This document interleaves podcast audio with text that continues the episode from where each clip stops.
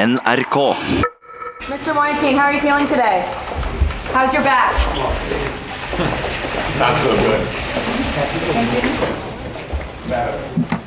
Dette er lyden av Harvey Weinstein, tidligere filmprodusent idet han geberder seg opp trappene til rettsbygningen i, i New York. Hver morgen har dette skjedd med gåstol og nyoperert rygg. Hver morgen er han også blitt møtt av et stort pressekorps og demonstranter. For dette er mannen som fikk metoo-bevegelsen til å rulle, men det er først i dag selve rettssaken mot den overgrepstiltalte filmprodusenten starter. Og kulturkommentator Agnes Moxnes, hva slags rettssak er det vi får se i New York i ja, hele fem-seks uker fremover? Det er iallfall en rettssak som har fått og får stor oppmerksomhet. Det er ventet at den skal vare helt til begynnelsen av mars. Og så er det forventet at dette blir en rettssak uten nåde, og at partene fra første stund kommer til å gå rett i strupen på hverandre. Kan du minne om hva tiltalen består i? Ja, Det er en tiltale eller anklage i fem hovedpunkter. To av dem handler om voldtekt mot en til nå ukjent kvinne. Vi får vel vite navnet hennes i løpet av den uka som kommer nå. Et annet punkt er tvungen oralsex mot en ansatt i Weinsteins, Weinsteins eget filmselskap. Men de to siste punktene det er antageligvis de som er mest interessante og blir de viktigste for påtalemyndighetene. De er nødt til å overbevise juryen om at Harvey Weinstein er en notorisk overgriper, og at han har vært det i mange tiår. Altså at de to sakene juryen skal bedømme, er som to masker i et stort Harvey Weinstein-mønster. Til sammen har over 100, altså 105 kvinner stått frem og fortalt ganske identiske historier om Weinsteins metode for å skaffe seg seksuell kontakt med unge kvinner. Men hvorfor er det da bare to som er igjen på på benken i rettssalen i New York? Ja, Det er jo et spørsmål veldig mange stiller seg. Det er mange grunner til det. Dette er jo en sak som pågår i, i New York, så det må jo være overgrep som har skjedd i byen. Eh, mange av disse 105 sakene du refererer til, er foreldet.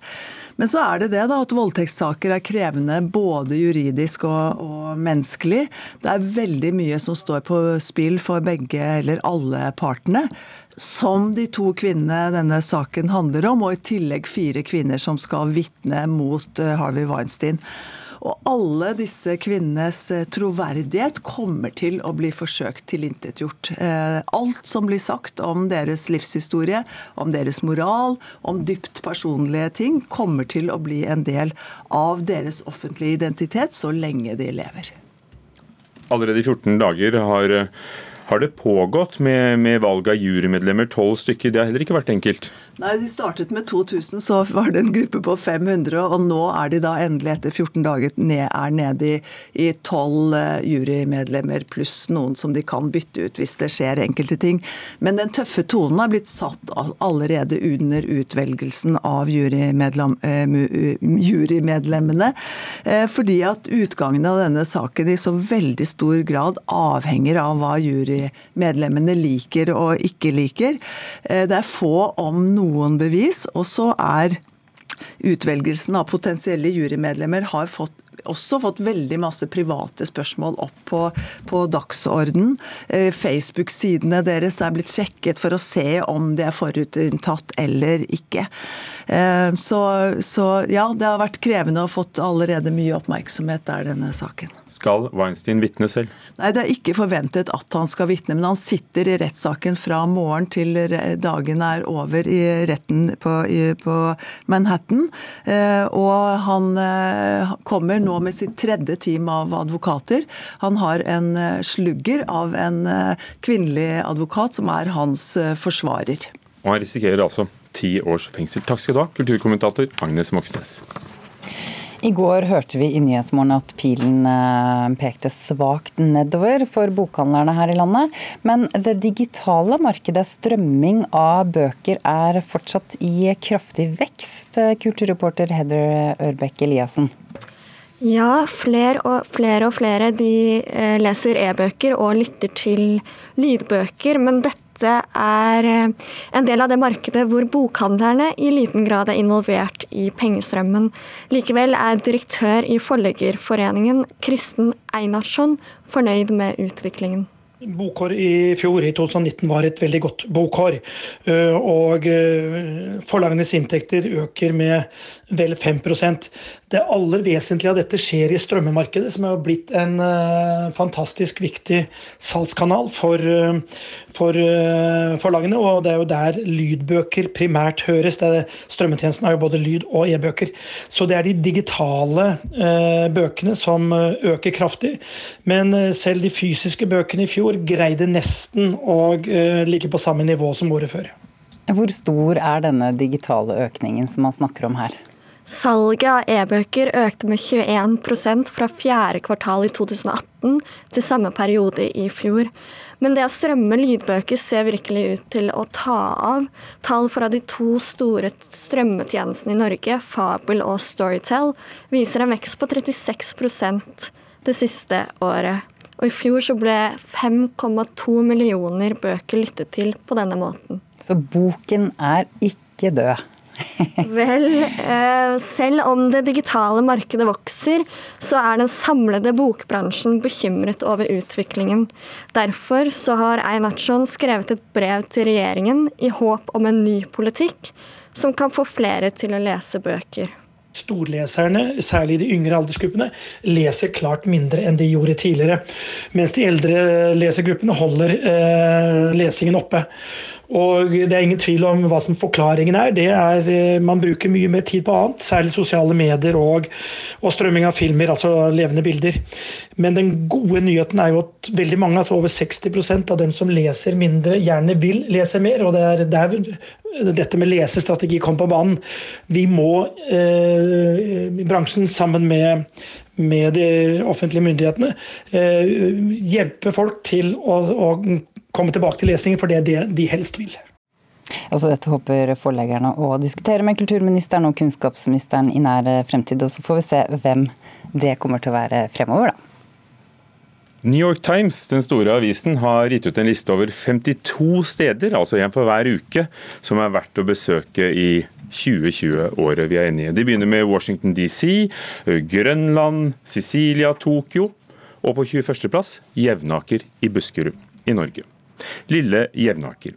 Og dette er eh, ikke minst pga. Kistefossmuseet og det nye galleriet der, The Twist.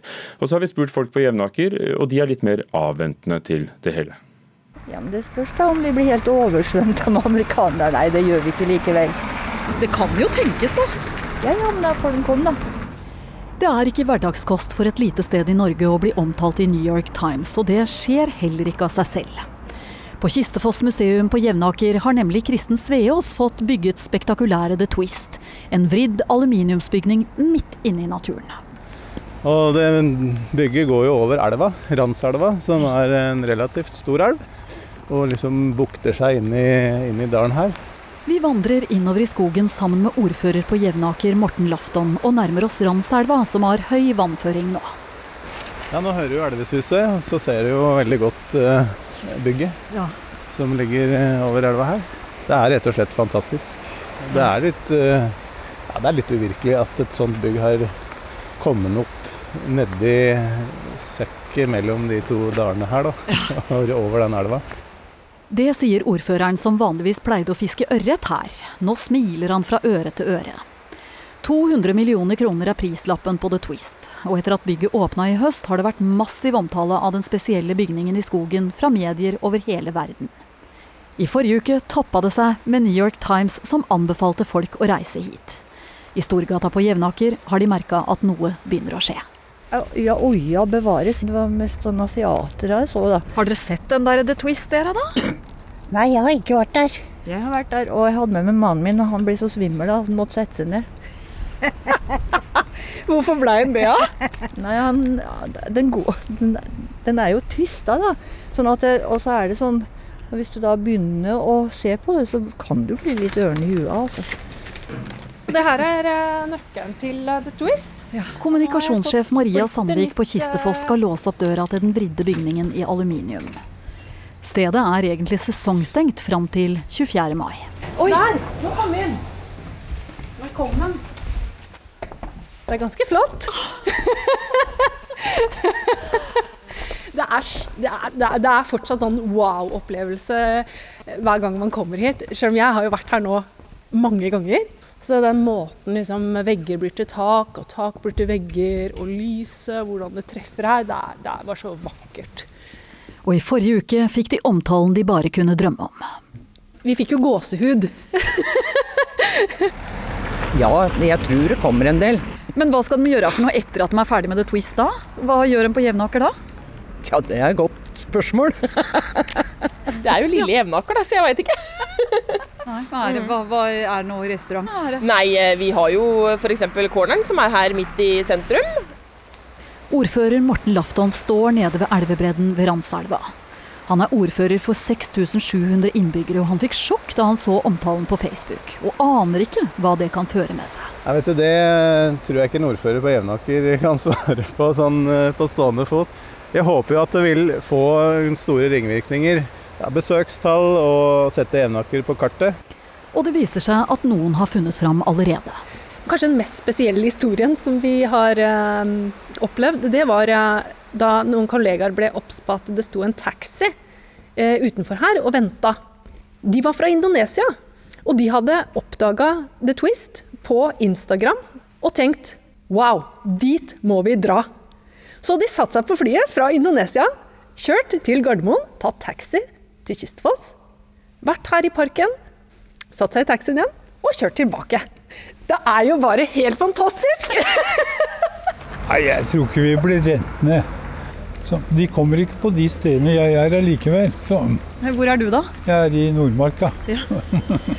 Dit kommer de ikke. Er du sikker? Ja, det er jeg ganske sikker.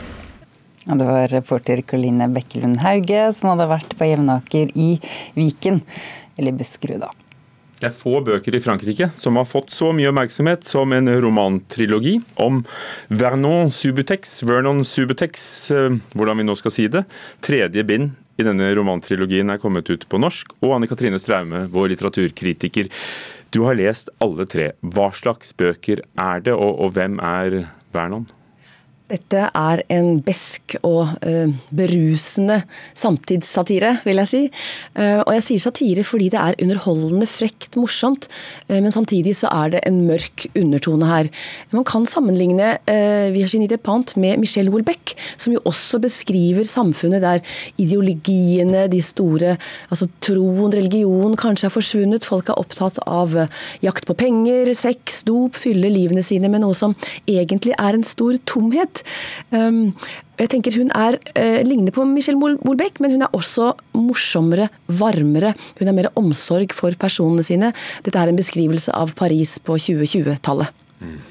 Og Subutex, du spurte hvem han ja, er. Hvem møter vi her? Ja, Han er nemlig hovedpersonen. Som alle disse personene, hun skildrer kanskje ca. 30 personer, ulike personer, de kretser rundt han. Han er egentlig en gammel eh, innehaver av en platebutikk eh, i, legendarisk i Paris, som da går konk pga. nye tider. Folk kjøper ikke plate lenger. Han havner på gata og blir rett og slett uteligger. Eh, så er det folk som er på jakt etter han. Noen vil finne han fordi han er deres venn. Andre er på jakt etter han fordi de tror at han besitter noe materiale som kan være avslørende og kompromitterende. Så det blir også en spenningshistorie. Alle disse som prøver å finne han da. Og finner han til slutt i en park. I bok nummer to, da ble det dannet en slags sekt rundt Subutex. Eh, for han, hans måte måte å spille musikk på, servere musikk, det ble en slags lindrende rus for alle disse menneskene som kommer. Altså det kan være høyreekstreme, det kan være tidligere pornostjerner, det kan være transvestitter eller frafallende muslimer. Men de finner hverandre på en måte i denne eh, milde rusen da som musikken eh, skaper. Og hvor er vi og alle disse raringene i dette siste bindet? Jo, nå er vi altså eh, på diverse stevner som de holder rundt omkring på den franske landsbygda. De befinner seg i Bordeaux, i Syd-Frankrike. Ingen har mobiltelefoner. Ingen ruser seg faktisk på annet enn denne musikken. Eh, det kommer nye folk til, og alle blir altså beveget av denne guruskikkelsen, på en måte. Men så er vi jo også i 2017. Disse bøkene ble skrevet mellom 2015 og 2017, og vi vet jo at eh, Frankrike ble rammet av store terroraksjoner, altså angrepet mot Charlie Hebdo for eksempel, og Bataclan, denne klubben. Så her kommer også hat inn. Hevn, vold. Jeg skal ikke si akkurat hvordan det går, men terroren preger denne, dette tredje bindet. Da du anmeldte bind nummer to, så sa du at fortellingen gikk på tomgang. Nå har du lest alle tre og sitter med det ferskeste i hånden. Hva er din dom? Det er en opptur, en veldig opptur dette tredje bindet. Det er frekt, det er morsomt, og det er også uh, skummelt mørkere enn de forrige. Men uh, Virginie Despentes hun overbeviser virkelig og løfter på en måte hele underholdningen til et høyere plan, som handler om fremtidstro og håp. Og så har hun jo fått en gjendikter i Norge, oversetter uh, Gøril Eldøen, som fikk Kritikerprisen i fjor, nettopp for oversettelsen av forrige bind. Hva er det Eldøen gjør som løfter bøkene til hun har et kreativt språk, og det tror jeg hun må ha hvis hun skal oversette det kreative språket som Depant har. For hun skriver jo akkurat som de ulike personene snakker. Og så klarer da eh, Eldøen å lage norske ordtak, norske referanser, som gjør at, at språket føles hjemme for oss som er norske også. Vernon Subotex tredje vind av Virginie de Pant. Takk skal du ha, Anne Katrine Straume. Og så minner jeg om at på nrk.no litteratur så ligger alle anmeldelsene dere har stått for. Og alle tre bøkene.